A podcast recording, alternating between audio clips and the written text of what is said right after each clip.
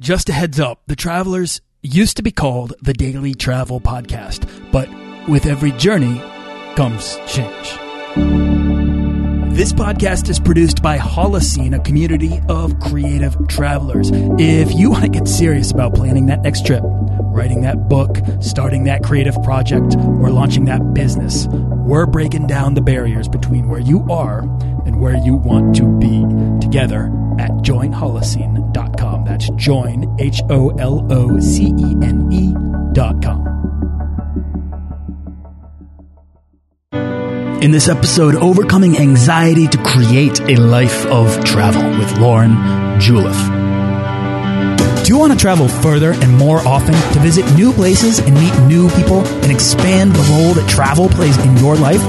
I'm your guide, Nathaniel Boyle, an explorer that wants to help you get out, see the world, and find meaningful, life changing experiences.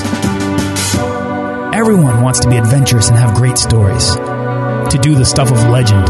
This is the Daily Travel Podcast. Each week, we send out a newsletter with three deals, resources, or guides to help you take the steps towards building a life of travel, whatever that means to you. What's stopping you from finally taking that trip or making that change in your life? I'm making travel easier to plan and cheaper to do. I'm here to help. I want you to come home with the best stories from your travels, but you have to put yourself in the position to let those stories happen to you. That's what this show is about. That's what I want to help you to do. So if that sounds good to you, then let's make make a legend out of life.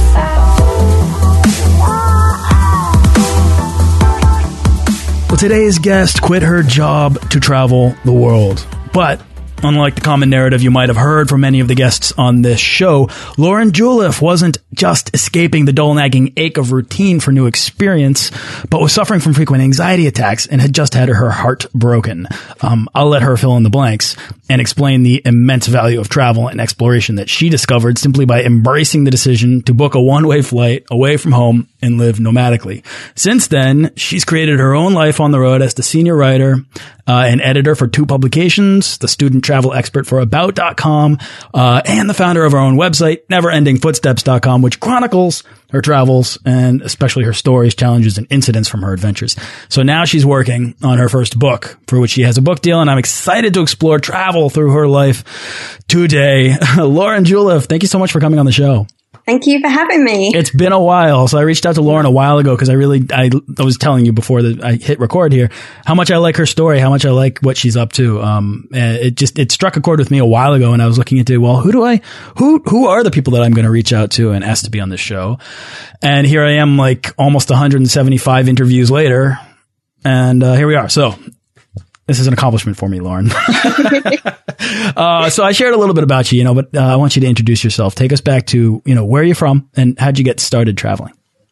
I'm originally from London and I got started traveling I think because I wasn't really sure what else to do. I'd always been really obsessed with travel. I'd always really wanted to travel, but I'd always put it off because I thought I'd be terrible at it. And I decided I was going to travel with my boyfriend at the time and we planned out this big round the world trip for a year. Then we broke up and I cancelled my trip.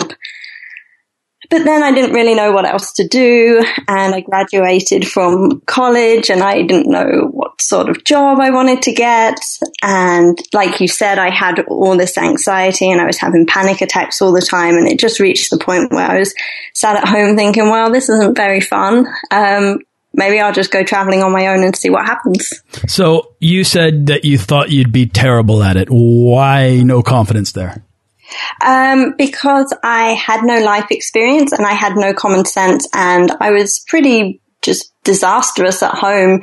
Much like when I was traveling, I'd just almost get run over and I'd walk into trees and, and I, but it was, it was the, uh, the lack of life experience as well because I'd never eaten rice or eggs and I'd never even been on a bus before. So it was just, I'd had such a sheltered life that the thought of going to a foreign country and trying to figure out how a bus worked was just so terrifying to me that I was like, wow, I'm probably going to die. so were you able to take that first step into something that was a little bit easier to do? Um, no, I pretty much just jumped into the deep end. I mean, that's that's really interesting then. So, because it sounds like you went from directionless and kind of maybe even lacking confidence back home because you didn't yeah, know what definitely. you wanted to do, you didn't know where you wanted to go, um, and struggling with anxiety attacks. I mean, that's a whole other thing. Uh, then to put yourself into a position that just completely flat out challenges you. I mean, wh why go from zero to sixty so fast? I don't know. I just, I did originally, I had plans that, oh, well, if I want to travel, maybe I could do like a short solo trip for a weekend and see how I cope in hostels and maybe I could try taking a bus or eating eggs.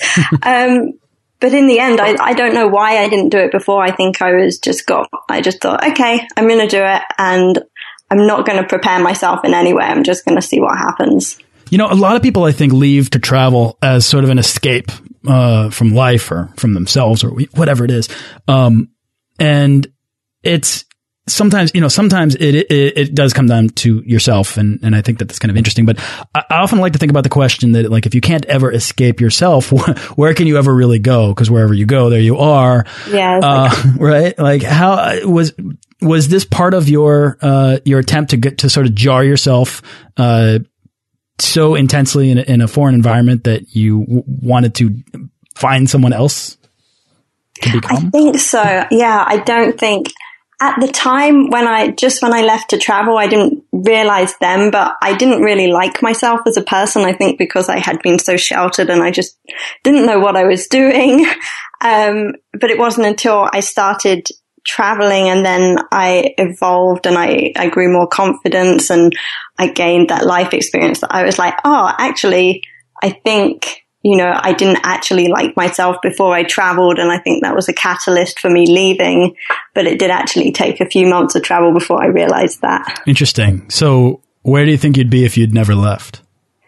Um, I think I'd still be pretty sheltered. I, I got my degree in physics, so I think I'd probably be working in a lab somewhere in a really dark, dingy room without windows, just coding.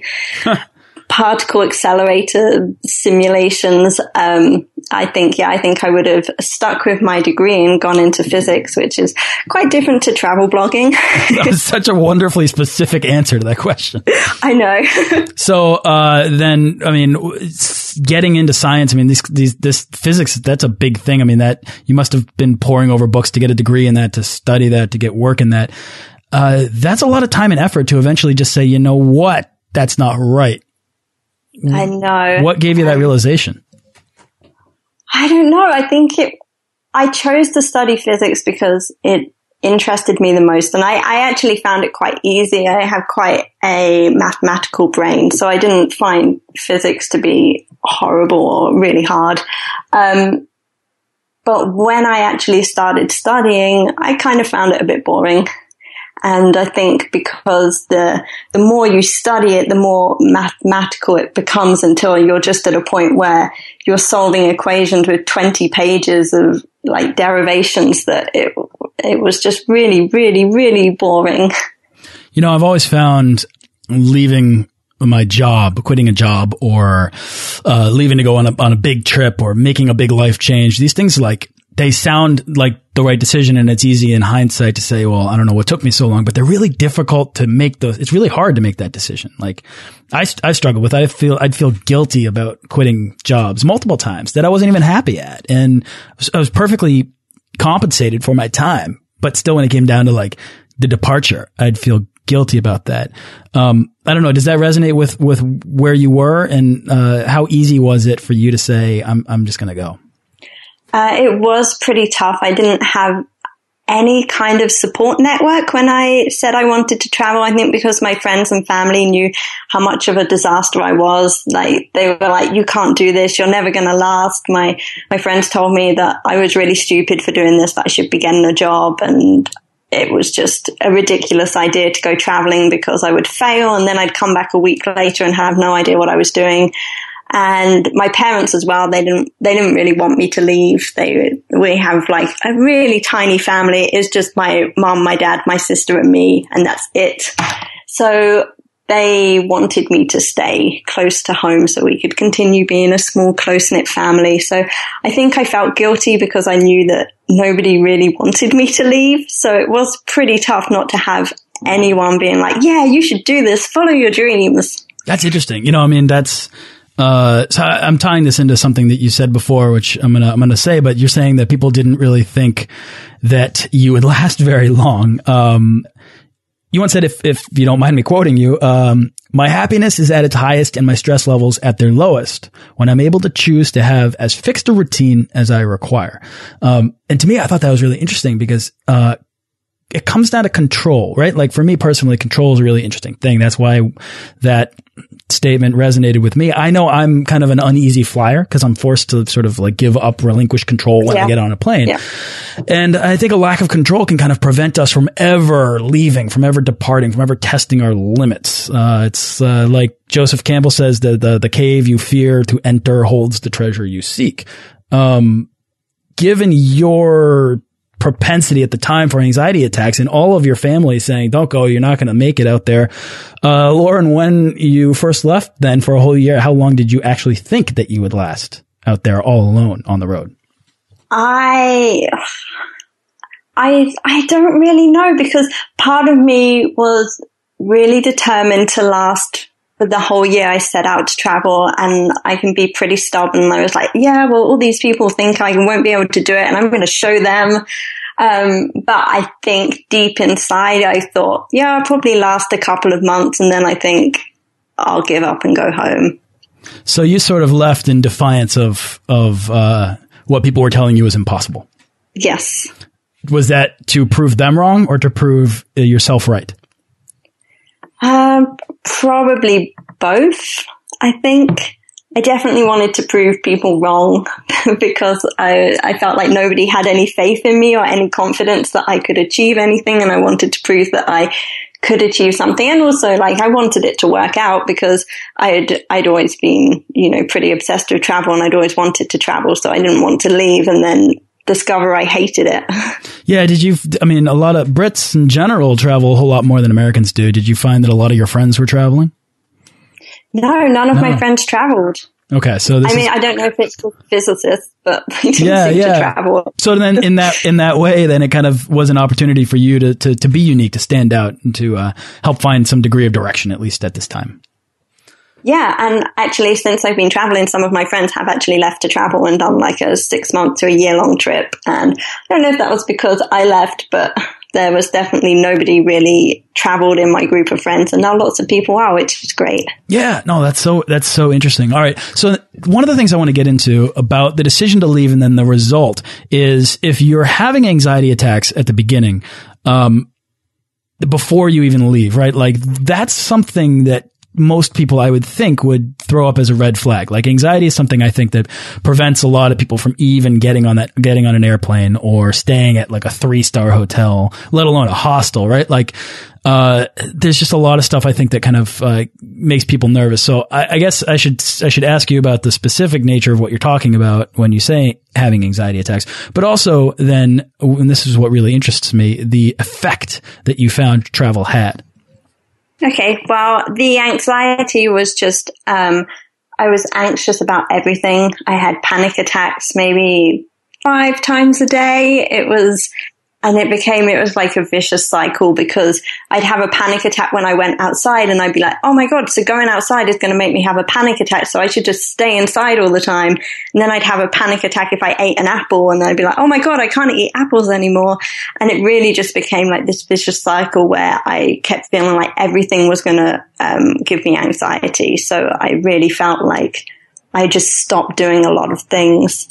Um, but I did have it just pretty much constantly at home. So the reason why I did decide to travel was like, well, if I stay at home, I'm still going to be having the panic attacks and I'm still going to be freaking out about everything. So I might as well travel and have a panic attack on the beach instead of, you know, in rainy London. So I think the reason why, even though it was a really hard decision, I was freaking out about what would happen if I had a panic attack abroad and if I couldn't find my hostel or if I didn't make any friends. And I think it was, it was just like, well, I'll have them at home anyway, so I might as well do it somewhere pretty. There you go. So did you have panic attacks when you were on the road within the, the first like month or so? I think, yeah, I definitely did in the first month. I was, I haven't really written about this, but the, my first month on the road, I was pretty miserable. I really wasn't enjoying it very much at all. Um, and I think part of that was maybe because I started in Eastern Europe where there wasn't really like that much of a backpacker trail. Mm. So that I'd stay in dorms, but it wouldn't really be like in Southeast Asia where everyone's doing the same route and you meet people all the time and change your plans to hang out with people and go where they are. I found that in Eastern Europe that didn't really happen. It may have just been that I was closed off to that and freaking out about everything, but the first month was really hard and I did have a lot of panic attacks. But it, the, the frequency became less. I, I found that even after the first couple of weeks, I started having less panic attacks. I'd, so I'd have panic attacks over eating, about going for dinner, and then I'd force myself to go and have dinner. And after I'd done that three or four times, it just felt normal and it wasn't something I worried about. So I think just forcing myself out of my comfort zone, com- like constantly, just it meant that um, I stopped having anxiety attacks gradually. Was that because there was a distraction, or was that because you felt like you had more control, or you had actually? Dis- it seems like you had actually started to make choices. Yeah, I think it was it was having more control, and I do think the cause of my anxiety was because I didn't feel like I had much control. So I think it really calmed me to think, well, if I wake up and I feel anxious, I can stay in bed all day. Whereas when I was at home, it was like, oh, well, I've got to go to work or I've got to go to college and I've got to see people and that would make things worse. So I think it was, it was having the control meant, oh, well, if I have a panic attack, then I can deal with it and I can just get a private room at a hostel and like get away from people and eat loads of chocolate and watch TV and just do what I felt like doing. So I think definitely having the freedom uh, helped with the anxiety. Which is which is funny. I think uh, Soren Kierkegaard once said, "Anxiety is the dizziness of freedom." Uh, which is to say that uh, when you're faced with a thousand choices, if you don't make a decision, then you always have the op the option to go and explore those those things, right? But then when you finally say, "All right, you know what? I uh, I don't know what I want to do with my life, but I'm going to go and I'm going to make a decision, and I'm going to go and travel, and I'm going to put myself in the position to have new experiences and to constantly uh, uh, to have more control over my day to day routine rather than uh, set myself up to be at the behest of." Uh, of society or a, a routine job that dictates, you know, your hours. Um, it's a double edged sword here. Like I'm seeing you say that there's more control because you have you have control over your own freedom. At the same time, uh, you're in the great wide open, right? Yes. And and for somebody who was kind of hesitant to even step outside the front door before to actually be out in the world, it's it's almost an ironic uh, result. Yeah, I think so. I um, it surprised me that I was it was having the freedom to do whatever I wanted actually helped with my anxiety because I think when I was back home, it was having too many options would give me anxiety, but it felt different when I was traveling. So was there a moment, Lauren, when you felt like you could not go back home and that this new lifestyle was going to be something that you were going to continue doing for far more than just the year that you had originally planned? Yeah, I think maybe about six months into my travels, and it was just as I started making money with Never Ending Footsteps, and it suddenly felt like it was a viable option to stay traveling. Up until then, I was just watching my savings disappear, and I was like, I, I'd accepted I was going to go home. And then I think once I started making money and I was a lot happier then. I didn't have the anxiety. I was really enjoying travel. It was sort of like, well, why would I go home and work for someone else and have a nine to five job? Because at the moment I can support myself while I'm traveling. So I don't really want to go back. It was the confidence that you've been lacking when you yes. were back home. Interesting. I like that. So what was the thing then that first allowed you to start making money and made you realize like, oh, this is actually a lifestyle that, that can be sustainable? Um, it was actually, I met my boyfriend, another travel blogger, um, about four months into my trip and he just quit his job and moved to Thailand and was going to make it as a travel blogger. and he was making about a thousand dollars a month from advertising on his site. And it was meeting him and seeing that he was going to be traveling indefinitely made me realize that, oh, maybe I could do that too. So he helped me out a bit with it and I, I put some advertising on my site and then I started to make money and then I you know, I was trading advertiser names with other bloggers and making more money and seeing how it could be, uh, how, how more money was possible. Um, so that was the starting point. Yeah, you know, it's so funny. It's the relationships I think that we make, the people that we meet along the way that help us find our path, that allow us to sort of redefine what is possible for ourselves uh, I, one of the best things to come from this this podcast, and also you know going out and meeting other people who who are who are working in similar projects or working in travel, has been uh, it's it's astounded me to realize that uh, going to every country in the world is is actually a perfectly rational reality. You know what I mean? Like I used to be something that was like untouchable and like very few people would do it. Now it's like, well, wait a minute, I could break this down. I could get this done in a few years. You know, that sort of thing. Like you can, you, you begin to, uh, yeah, redefine what's possible in your head based on the people that you hang out with.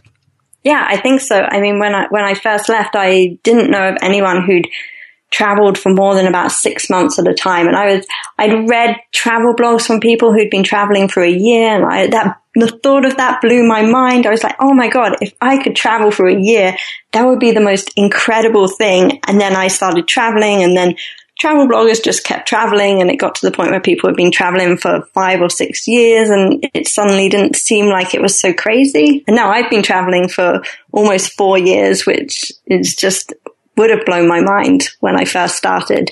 I think just definitely hanging out with travel bloggers and other long-term travelers makes it seem pretty normal now. Did you have a blog up before you met your boyfriend or was he the one that said you got to be doing this? I had a blog before, so we met through our travel blogs. Um, and so a cute. drunken night on Twitter. Um, so I'd had my site for about six months, but I wasn't really making any money with it and I wasn't posting very regularly or doing much with it. But nowadays, is that the primary source of, of income for you? It's not, right? I mean, you are, or, or correct me if I'm wrong, actually, I don't know, but it sounds like you have a lot of, um, paid writing opportunities and you've become kind of this this writer this uh, location independent writer uh, who you know, maybe I should just let you answer the question. um, yes, now it is more freelance writing. The the advertising I was talking about on my site was pretty shady, so mm-hmm. I stopped doing that and looked for a more legitimate and sustainable income that wasn't trying to run away and hide from Google all the time. So now uh, I'd say about 75% of my income is my freelance writing. Okay. And the 25% comes back from the blog? Yeah, from affiliate stuff on the blog, it's a few bits of editing I do, just random bits and bobs that I pick up along the way. Yeah, all right. So I mean, what I what I really love about this, and um, is that you know, and I was saying a lot of people kind of travel to sort of escape themselves, but you've effectively traveled to basically create for yourself the life that you uh, you quickly realized you wanted to live. Um, uh, talk about you know talk about like having control over the things that you want in your life. I mean that's that you you created a life that you didn't want to escape from anymore, and and yeah. that to me is like a, that's really like a it's a really powerful accomplishment, and uh, more people should be doing that, or at least um, seeing the the choice of of lifestyle that way that you have this this element of control. And if you go out there and you put yourself in a position to to grow or develop or recognize the confidence that's within you that you can actually take the steps towards doing that i think that's uh, super powerful.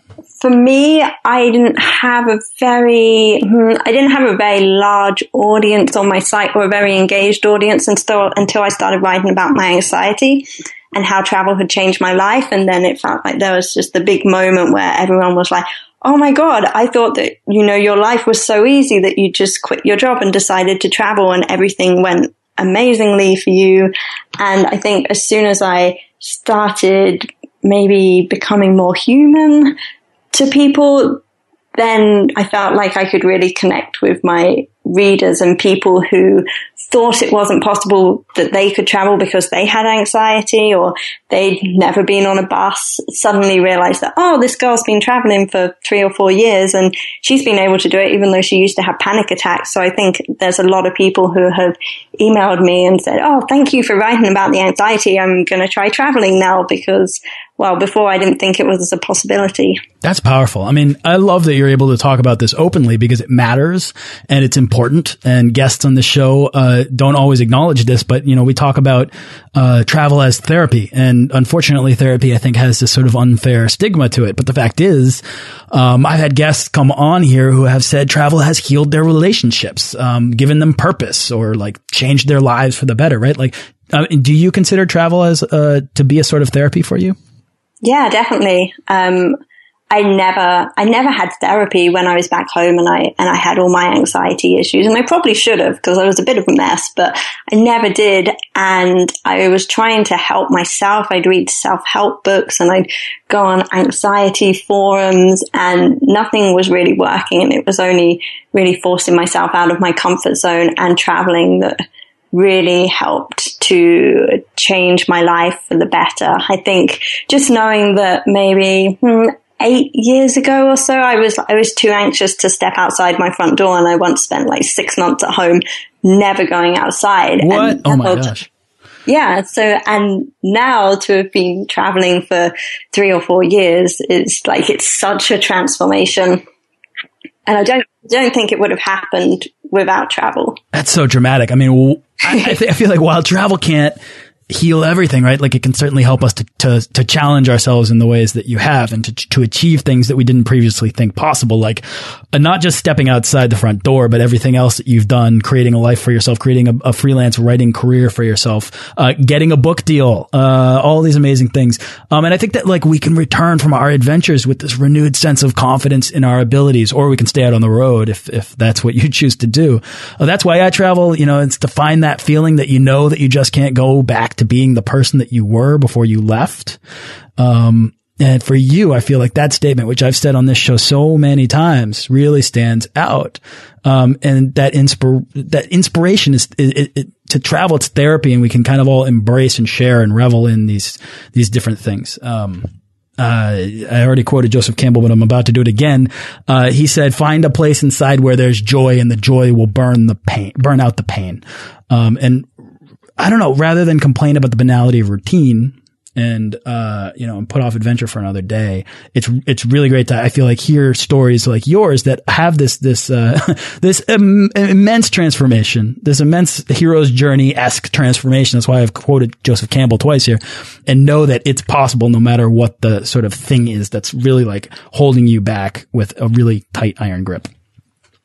Yeah, I think I know that my uh, my transformation is pretty extreme.